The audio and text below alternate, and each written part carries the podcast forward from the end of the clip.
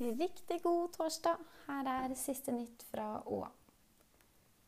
Airbnb sprer seg i Innlandet. Men Gjøvik ligger langt bak de andre Mjøsbyene i antall overnattingssteder.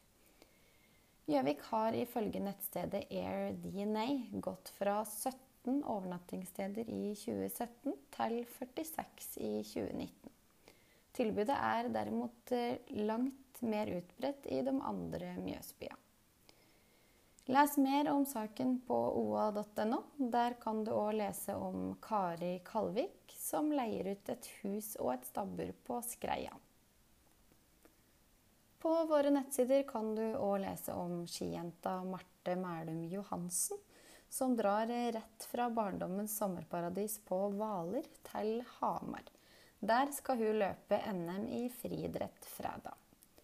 Noen duell mot Therese Johaug blir det imidlertid ikke, siden hun ikke er kvalifisert for samme distanse i NM.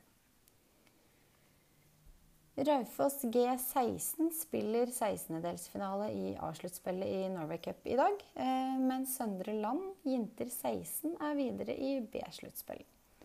Du kan se begge kamper direkte på OATV klokka 9.15 i dag.